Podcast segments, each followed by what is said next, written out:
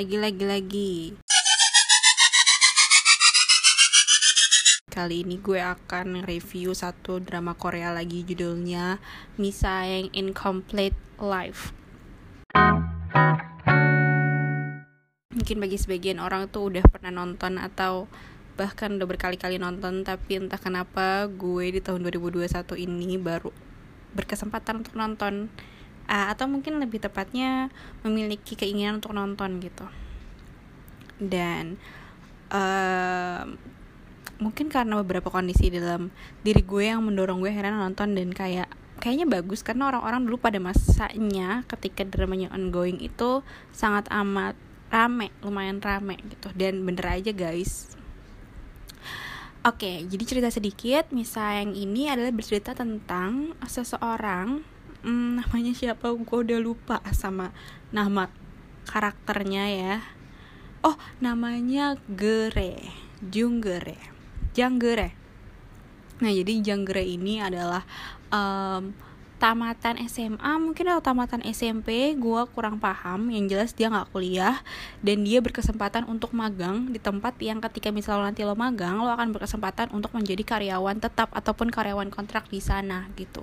Dan si Gere ini eh, nggak uh, punya kapabilitas khusus. Dia nggak sekolah universitas universitas. Dia nggak punya pengalaman kayak atau bahasa tambahan kecuali bahasa Korea kayak gitu dan di sinilah perjalanan hidup dan juga karir Gere itu akhirnya diceritakan di mana Gere itu um, harus magang di perusahaan konglomerat dan bertemu dengan atasannya yang membantu dia untuk berkembang gitu. Jadi ini memang seputar ke kehidupan pekerjaan, kehidupan karir atau kehidupan orang-orang yang suka kita lihat ya. Kalau di Indonesia sih kayak atau kalau di Jakarta sih kayak orang-orang Sudirman atau orang-orang SCBD gitu ya yang pakaiannya rapi, pakai jas, pakai kemeja, pakai dasi gitu. Tapi uh, kita nggak tahu kalau ternyata kehidupannya sangat amat busuk guys. Kayak bahkan ya itulah yang disebut kerja-kerja kerja tipes gitu ya. Nah dari segi penceritaan gue suka. Hmm, sebenarnya menurut gue gue ngerasa banget cerita ini ini dari TVN juga masih sama kayak My Mister kemarin ceritanya lumayan terasa cerita drama Korea dulu gitu. Kayak yang ngangkat tentang isu-isu slice slice slice of life terus cerita-cerita tentang memang culture yang ada di Korea kayak gitu bukan dan nggak complicated gitu. Kayak bener-bener memang cerita kehidupan sehari-hari aja yang dia coba untuk angkat nggak kayak drama-drama Korea sekarang gitu. Dan mm, bahkan di sini tuh nggak ada love uh, love life-nya sama sekali gitu. Keluarganya ada tentu pekerjaannya juga ada tentang karir persahabatannya pun juga ada. Gue suka banget sama persahabatannya yang ada di sini. Kayak kelihatan banget gitu cerita uh, gimana setiap kalau di kita tuh mungkin namanya ODP gitu kali ya atau orang-orang yang masuk uh, di uh, masa yang sama. Tuh akhirnya mereka bareng-bareng gitu. Terus um, tapi pada akhirnya ketika mereka udah punya jabatan atau udah lama di sana ya mereka akan fokus sendiri-sendiri sama kehidupan karirnya gitu. Nah, beberapa hal yang gue pelajari dari um, drama ini uh, gue sangat suka yang pertama um, sama jalan ceritanya.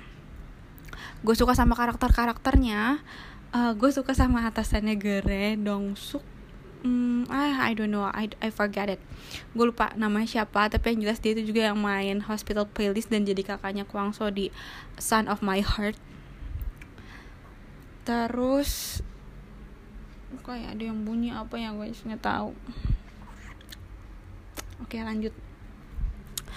Um, gue juga suka sama teman-temannya Gere.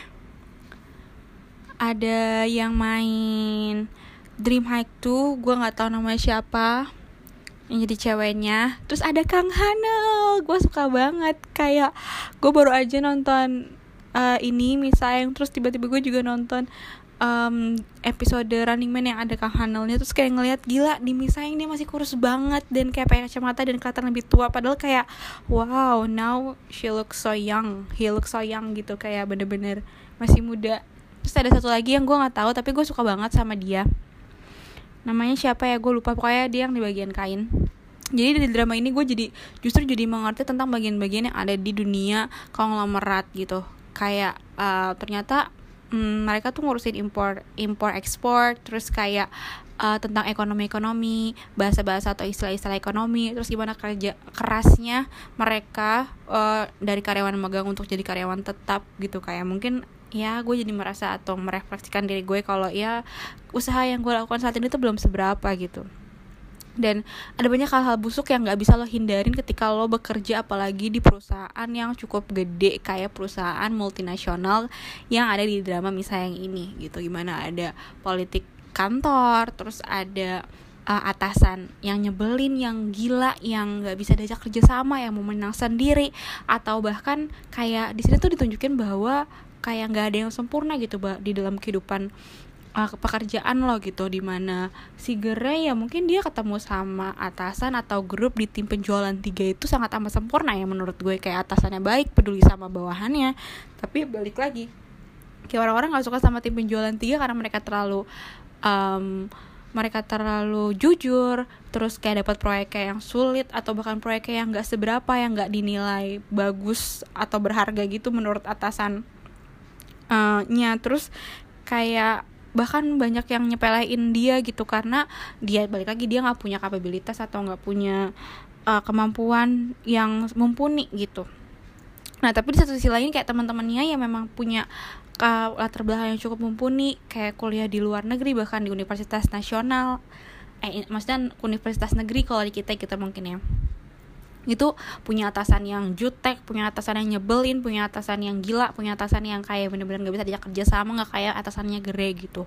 Dan kayak di situ dijelasin gitu loh kalau kayak gue suka banget kayak episode-episode yang lumayan terakhir terus Gre kayak bilang kalau di dalam dunia di, di dalam dunia ini dan uh, di dalam dunia ini eh, nggak uh, ada ketika lo kita jadi menyadari kalau ketika lo mengalami kesusahan gak ada yang bisa bantuin lo gak ada yang bisa ngasih nasehatin lo karena semua orang juga mengalami hal yang sama dan pada akhirnya lo hanya bisa me membantu diri lo sendiri gitu.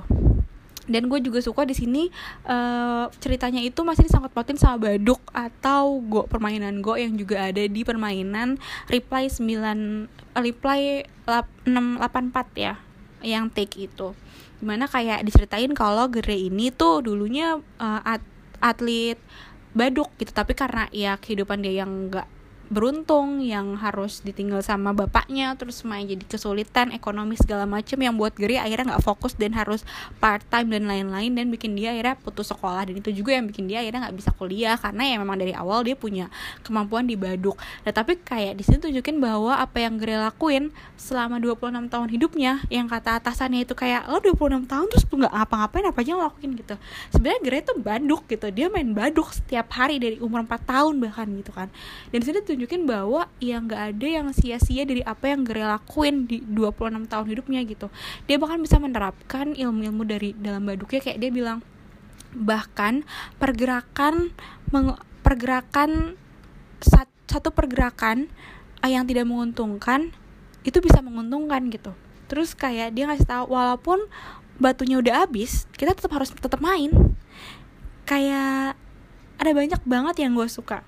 Terus apalagi gue suka banget sama dialog dialog terakhir ketika Gere sama atasannya itu uh, harus pergi ke luar negeri untuk uh, pokoknya dia harus nyari orang gitulah yang nyuri um, sampel barang yang pengen mereka jual gitu.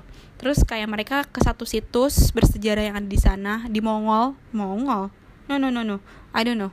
Lupa pokoknya kayak daerah-daerah timur tengah gitulah. Yordan Yordan iya. Uh, I remember. Yordania. Nah terus di sana uh, kayak bosnya tuh bilang uh, dulu gue tuh punya cita-cita jalan-jalan ke luar negeri keliling dunia. Dan ketika gue ke Yordania ini gue jadi ingat lagi sama cita-cita gue. Dan dari situ gue dan dari situ gue jadi uh, nyadar kalau ketika lo lupa sama cita-cita awal lo bukan berarti itu dia hilang. Dan ketika lo nggak ngelihat sebuah jalan bukan berarti jalannya hilang. Setiap orang itu punya jalan. Walaupun gak setiap jalan itu dimiliki setiap orang. Jadi ketika ada satu jalan yang nutup ada satu jalan yang terbuka. Itu tuh kayak bener-bener premis awalnya bahkan ya. Kayak ini tuh sebenarnya cerita yang mundur alurnya mundur. Karena diceritain awalnya kayak present to past and present again gitu. Di cerita awalnya kayak bener-bener premisnya tuh adalah sebuah jalan. Kayak setiap orang itu bisa berkembang ketika dia punya jalan. Itu kayak ngasih tahu kalau Gere dalam kehidupannya yang terbatas itu ya mereka dia punya keterbatasan ya. Karena memang dunia ini tidak memberikan mereka tidak memberikan dia kesempatan untuk berkembang atau tidak memberikan dia kesempatan untuk jalan. Tapi bukan berarti ketika Gere nggak bisa ngeliat jalan yang dia punya Gere akhirnya nggak punya jalan ternyata ya balik lagi dunia ini tuh sangat amat misterius dan bisa memberikan Gere jalan-jalan lain gitu yang akhirnya membuat Gere akhirnya ya bahagia gitu. Ya pada intinya kayak gue suka banget sama drama ini karena mungkin drama ini juga sangat amat pas gue tonton di mana kehidupan gue sekarang yang bergelut sama dunia perkuliahan gue dan juga pekerjaan yang menurut gue ya mungkin belum seberapa lah ditolak sana sini. Dan harus apply banyak tempat gitu di tengah persaingan yang sangat ketat ini gitu ya. Um, scoresnya menurut gue um, 87 kayak mungkin gue akan nonton drama ini lagi. Ini beda banget sama My Mister di mana kalau drama ini tuh kayak gue bisa ketawa kadang gue bisa bahagia. Terus banyak banget quotes quotes yang nggak bikin depres. Sebenarnya ada sih yang bikin depres gitu ya. Kayak beberapa episode ketika misalnya dia udah ngerancang proposal tapi ada ditolak terus kayak harus ngelihat atasannya keluar dan lain-lain kayak gitu. Kayak sebenarnya ada yang kayak gitu. Cuma lebih banyak kayak hal-hal yang sifatnya benar-benar ke sehari-hari dan nggak terlalu deep nggak bikin capek hati nggak menguras gitu. Kayak My Mister yang gue tonton sebelumnya jadi buat kalian gue rekomendasiin Misa yang ini buat kalian yang uh, mahasiswa-mahasiswa yang udah di tingkat akhir kayak gue yang kadang demotivasi gitu ya kayak gak tahu nih gue harus apa gitu. Terus kadang ngerasa kayak gila ya gue udah lamar sana sini magang nggak diterima atau bahkan kayak orang-orang yang baru nyari kerjaan. Terus kayak ngerasa gila gue belum baru tiga bulan gak ada yang terima gue gitu. Kayak cobalah ditonton misalnya ini. Kayak apa yang kita apa yang kamu alami itu belum seberapa coy. Belum. Belum seberapa coy. Masih ada banyak dunia kejam. Dunia pekerjaan itu sangat kejam coy. Udah segitu aja review singkat tentang drama Korea dari aku. Um, dan sekarang aku belum nonton apa-apa lagi. Sebenarnya kemarin aku abis nonton Mouse tapi uh, mungkin akan bikin review sederhana atau singkat tentang mouse atau mungkin juga enggak tergantung mood aku dan tergantung aku kapan naikinnya juga ke podcast ini. Tapi intinya kayak saat ini belum nonton apa-apa dan kayaknya nggak bakal nonton apa-apa sampai nunggu hospital playlist yang akan hadir dua minggu lagi dari aku merekam ini atau pertengahan bulan Juni 2021 kita akan lihat kapan gue bisa nonton hospital playlist. I don't know. Dan saat ini juga lagi rame move to event walaupun gue nggak tahu beneran seram itu atau enggak tapi ada sih sedikit keinginan untuk nonton tapi nggak tahu kapan. Mungkin akan gue tonton. Ya sedih sekian dulu dari gue. Thank you guys. Ya. yeah.